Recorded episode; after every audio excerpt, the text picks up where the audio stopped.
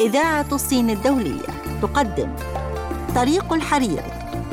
برنامج إذاعي يمد جسور الصداقة والود بين الشعبين المصري والصيني. طريق الحرير خطوات متواصلة على درب التعاون المصري الصيني. طريق الحرير فقرات منوعة نعرض فيها الثقافة والسياحة والاقتصاد والعادات والتقاليد في مصر والصين. طريق الحرير الصين بعيون مصرية مستمعينا الأعزاء أهلا ومرحبا بكم في حلقة جديدة من برنامجكم طريق الحرير في طريق الحرير نلقي الضوء على العلاقات المصرية الصينية عبر العصور المختلفة. طريق الحرير الثقافة والاقتصاد والمجتمع والسياحه والفنون. جوانب ترابط لا تنتهي ومظاهر حضارية تاريخية. طريق الحرير طريق ممتد بين الحضارة الصينية والمصرية. في طريق الحرير نلقي الضوء على كل الجوانب المشتركة بين البلدين. كل هذا فقط في طريق الحرير. ومعكم في التقديم محمد العربي وإيمان مصطفى.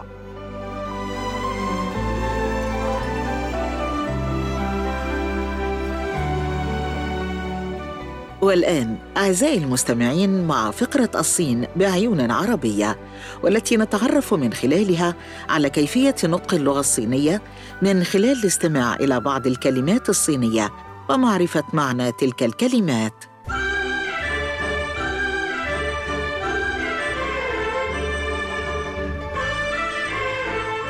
البطيخ المر باللغة الصينية يعني. كوغوا. يعرف البطيخ المر بالعديد من الأسماء مثل الكاريلا وهو نبات عشبي زاحف تتشابه ثماره مع الكوسة أو الخيار ولكن يوجد على سطحه الخارجي الكثير من النتوءات كما يعرف بمذاقه المر. ويستخدم المطبخ الصيني البطيخ المر في العديد من وصفات الحساء والأرز المقلي لمنح هذه الوصفات مذاقا مرا مستمعينا الأعزاء وصلنا إلى ختام فقرتنا الصين بعيون عربية. فاصل يعود بعده الزميل محمد العربي والفقرة التالية في برنامجكم طريق الحرير. فانتظرونا.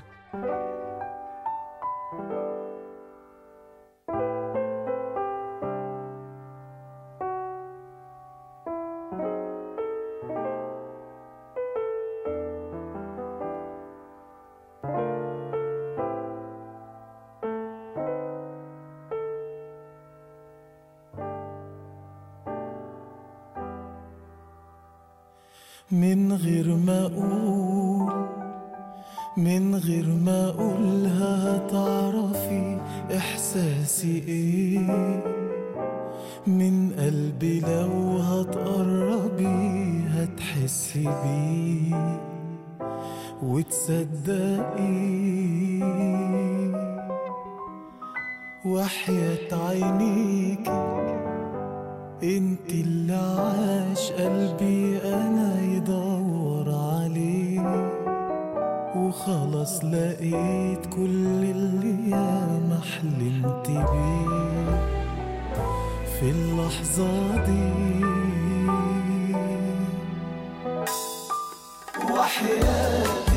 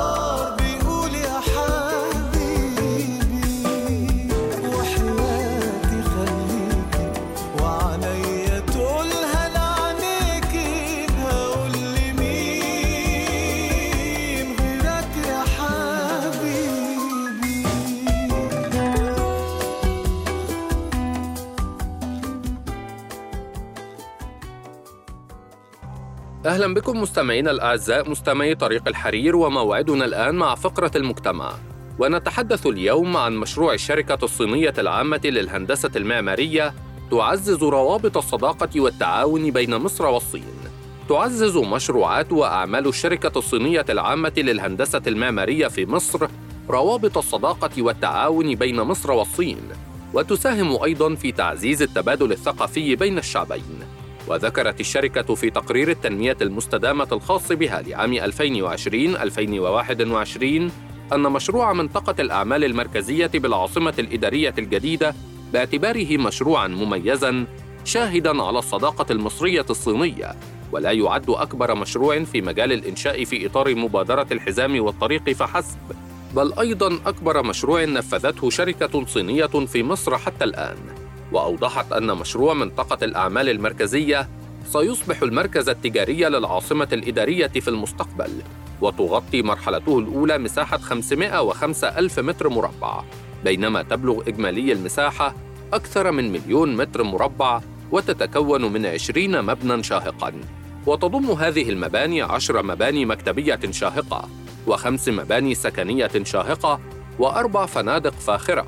والبرج الأيقوني وهو أطول مبنى في إفريقيا ويعد هرم العصر الحديث في مصر.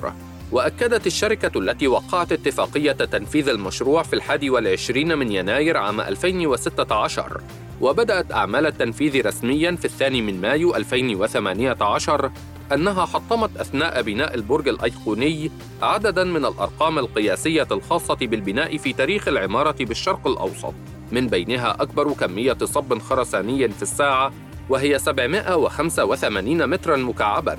وأكبر سرعة لبناء الهيكل الرئيسي وهي بناء طابق واحد في أربعة أيام. ولا يعد اكتمال الهيكل الخرساني للبرج الأيقوني نتيجة مهمة للتعلم المتبادل والتعاون والكسب المشترك بين مصر والصين فحسب بل يعتبر معلما بارزا في إدخال مصر للتكنولوجيا الحديثة وتحقيق التنمية العمرانية في العصر الجديد أيضاً.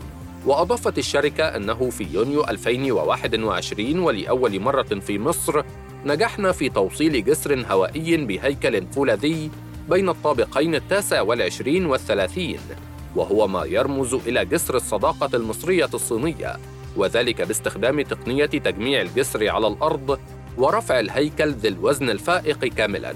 وأشارت الشركة الصينية إلى أنها وقعت في الثامن من فبراير 2021 مع وزارة الإسكان المصرية عقد إنشاء مشروع أبراج ال downtown بمدينة العلمين الجديدة. وستصبح مدينة العلمين الجديدة العاصمة الصيفية لمصر. وهي ليست معلما تاريخيا مهما للمعمار المصري فحسب بل ورمزا مهما لتعميق التعاون بين وزارة الإسكان المصرية والشركة الصينية العامة للهندسة المعمارية. وتساهم الشركة الصينية أيضا في تعزيز التبادل الثقافي بين الشعبين المصري والصيني. وأوضحت أنها تحترم ثقافة الشعب المصري تماما. وتعتزم استخدام مختلف الطرق لتعزيز التكامل الثقافي والتواصل بين الجانبين. وأشارت إلى أنها نظمت ورعت عدة أنشطة ثقافية وحصلت على جائزة المساهمة الخاصة في ترويج اللغة الصينية في العالم في حفل مسابقة جسر اللغة الصينية في القاهرة. إلى هنا مستمعينا الأعزاء نكون قد وصلنا معكم إلى ختام فقرة المجتمع. نتوقف الآن مع فاصل تعود بعده الزميلة إيمان مصطفى لتقديم الفقرة التالية. فانتظرونا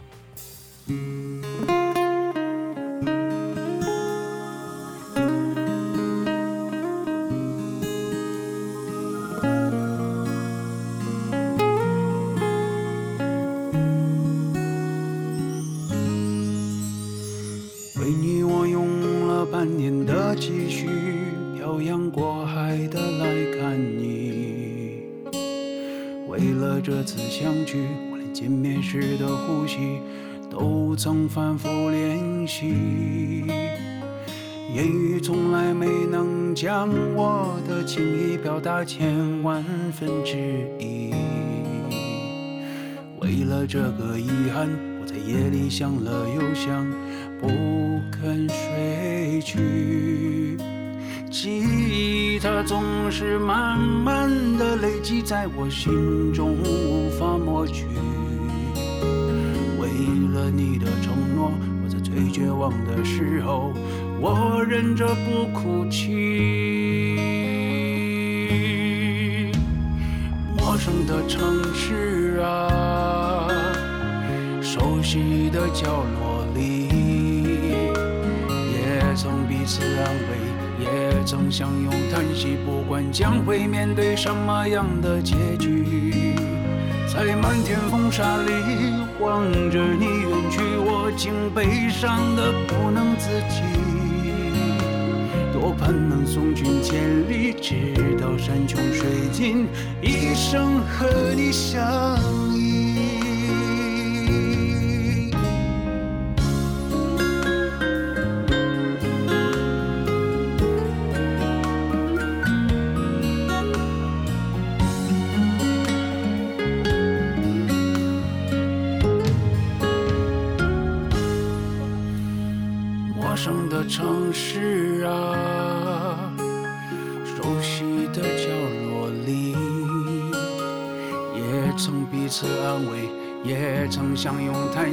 不管将会面对什么样的结局，在漫天风沙里望着你远去，我竟悲伤的不能自己。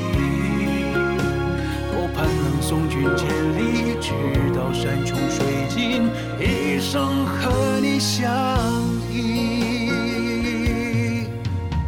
多盼能送君千里，直到山穷水尽，生和你相依。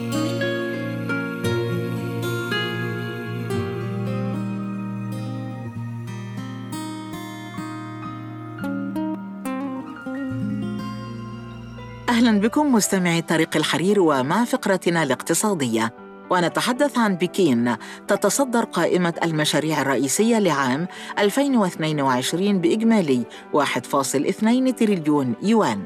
أصدرت لجنة التنمية والإصلاح لبلدية بكين قائمة بالمشاريع الرئيسية لعام 2022 مع التركيز على مجالات تشمل الابتكار العلمي والتكنولوجي والتصنيع عالي التكنولوجيا وصناعة الخدمات الحديثة والتجديد الحضري. وستجذب المشاريع المدرجة 100 مشروع ابتكار علمي وتكنولوجي و100 مشروع بنية تحتية و100 مشروع لتحسين رفاهية الشعب باستثمارات إجمالية تقارب 1.2 تريليون يوان. وتشمل القائمة 120 مشروعا جديدا و180 مشروعا قيد التطوير بالفعل. ومن المتوقع أن يتم الانتهاء من 69 منها خلال هذا العام. ووفقا للجنة فإن المشاريع المختارة بعناية ستجذب المزيد من الاستثمار في البنية التحتية وتزيد بشكل منظم من الدعم للابتكار العلمي والتكنولوجي والارتقاء الصناعي وتشجيع التجديد الحضري ليصبح قطبا للنمو الاستثماري. وفي الاقتصاد أيضا نتحدث عن مصر تمضي بنجاح في مسيرة التحول نحو الاقتصاد الرقمي. أكد معالي الدكتور محمد معيط وزير المالية أن مصر تمضي بنجاح في مسيرة التحول نحو الاقتصاد الرقمي بمختلف قطاعات الدولة. وذلك من خلال التوظيف الأمثل للتكنولوجيا المتطورة وتوطين التجارب الدولية المتميزة في تطبيق الأنظمة الرقمية على نحو يتسق مع التوجه العالمي في الانتقال من بيئة العمل الورقية إلى النظم الإلكترونية والتي فرضت نفسها بقوة خلال جائحة كورونا.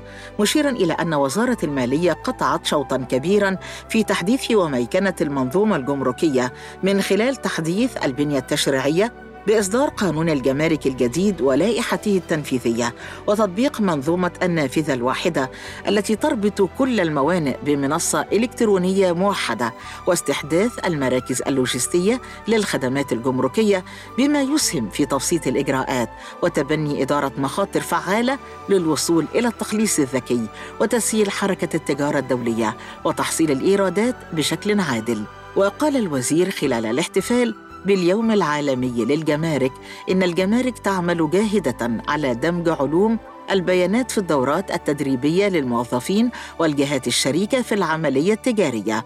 لافتا إلى أن العنصر البشري يعد عصب التطوير الذي تستهدفه الدولة لتحقيق التنمية الشاملة والمستدامة في الجمهورية الجديدة. ووجه الوزير في كلمته الشكر لكل العاملين بالجمارك على سعيهم المتواصل للارتقاء بمنظومة العمل الجمركية وإخلاصهم وتفانيهم في العمل. وكل شركاء النجاح من مختلف جهات العرض والمجتمع التجاري والمنظمات الدولية. وصلنا مستمعينا الأعزاء إلى ختام هذه الفقرة لاقتصاد. فاصل قصير يعود بعده الزميل محمد العربي والفقرة التالية في برنامجكم طريق الحرير. فابقوا معنا.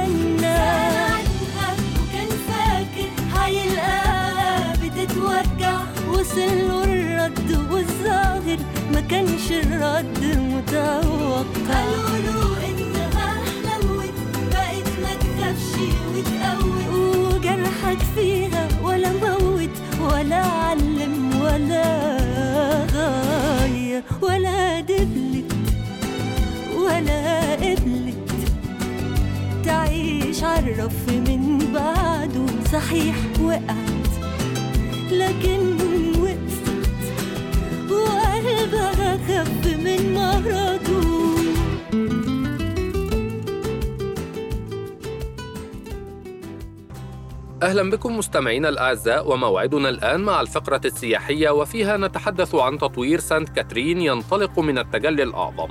مشروع التجلي الأعظم هو عبارة عن نقطة البداية لتطوير منطقة سانت كاترين، والذي يتضمن تنفيذ 14 مشروعاً، ومن المقرر أن يكون المشروع الأكبر على مستوى العالم كمشروع سياحي لجذب السياحة الدينية في مصر.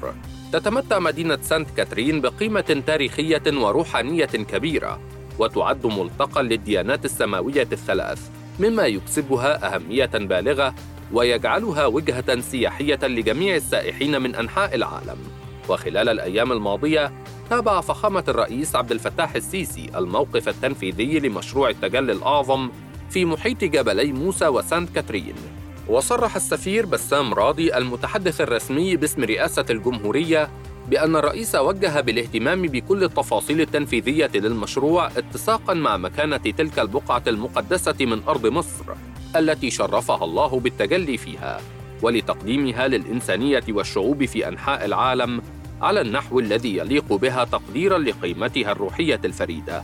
كما وجه أن يتكامل المشروع مع جهود تطوير مدينة سانت كاترين ووضعها بمكانتها اللائقة التي تستحقها وكذلك تعظيم الاستفادة من المقومات السياحية بها أثرياً وبيئياً ودينياً واستشفائياً بالإضافة إلى الارتقاء بكل المباني والمرافق المتواجدة بها.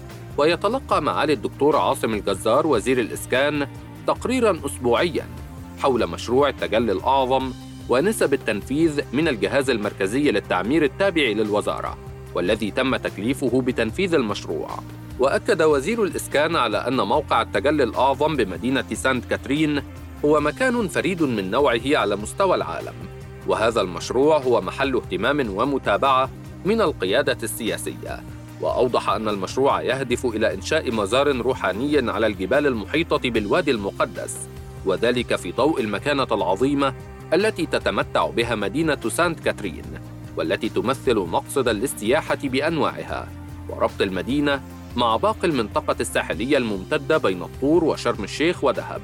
ويتم تنفيذ المشروع طبقا لتكليفات فخامة الرئيس عبد الفتاح السيسي بتطوير مدينة سانت كاترين ووضعها بمكانتها اللائقة وتعظيم الاستفادة من المقومات السياحية لهذه المدينة ذات الطابع الأثري والديني والبيئي وأيضا تماشيا مع اتجاهات التنمية المستدامة. حيث تم تشكيل لجنة عليا تضم وزارات البيئة والسياحة والآثار وجميع الجهات ذات الصلة بالدولة لمتابعة تنفيذ مشروعات التطوير. إلى هنا مستمعينا الأعزاء نكون قد وصلنا معكم إلى ختام جولتنا السياحية. نتوقف الآن مع فاصل تعود بعده الزميلة إيمان مصطفى لتقديم الفقرة التالية فانتظرونا.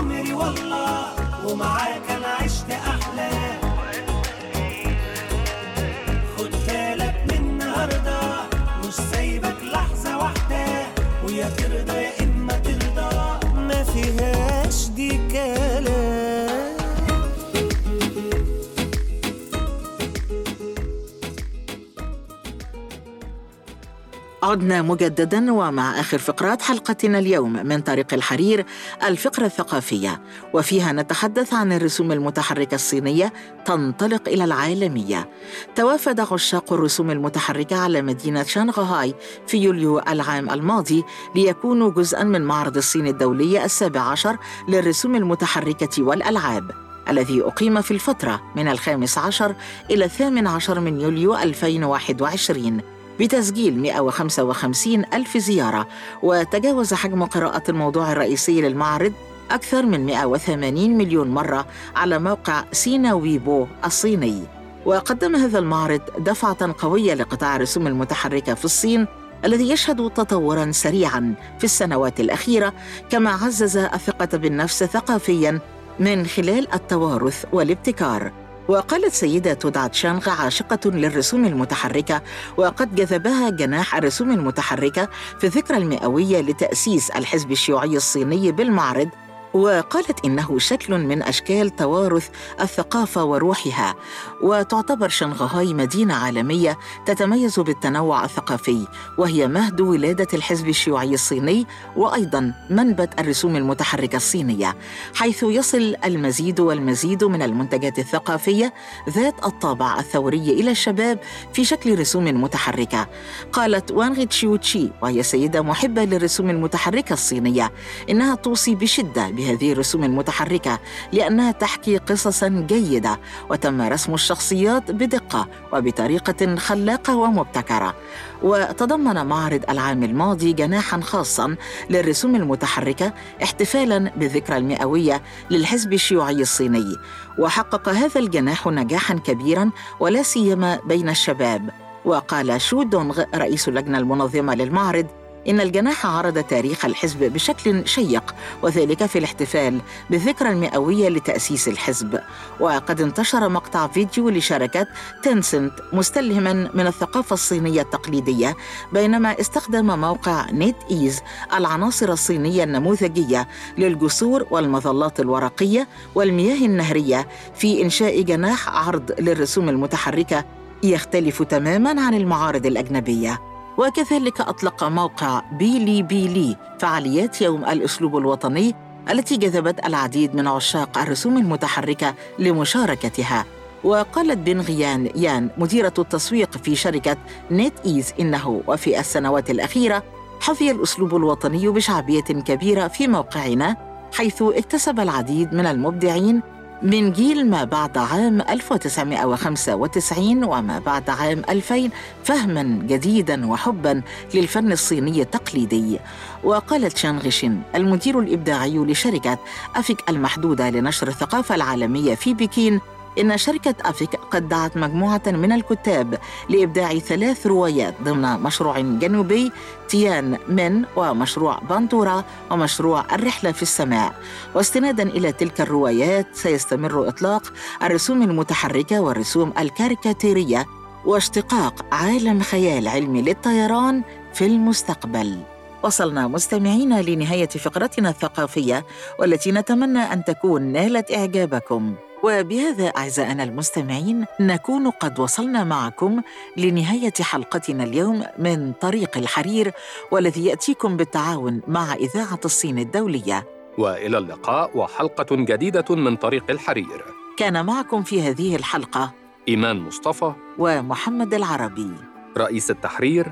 هبة رجب. فريق الإعداد ولاء العقاد. ومنى حسن. إخراج وليد إمام. هندسة الصوت كريم سيد.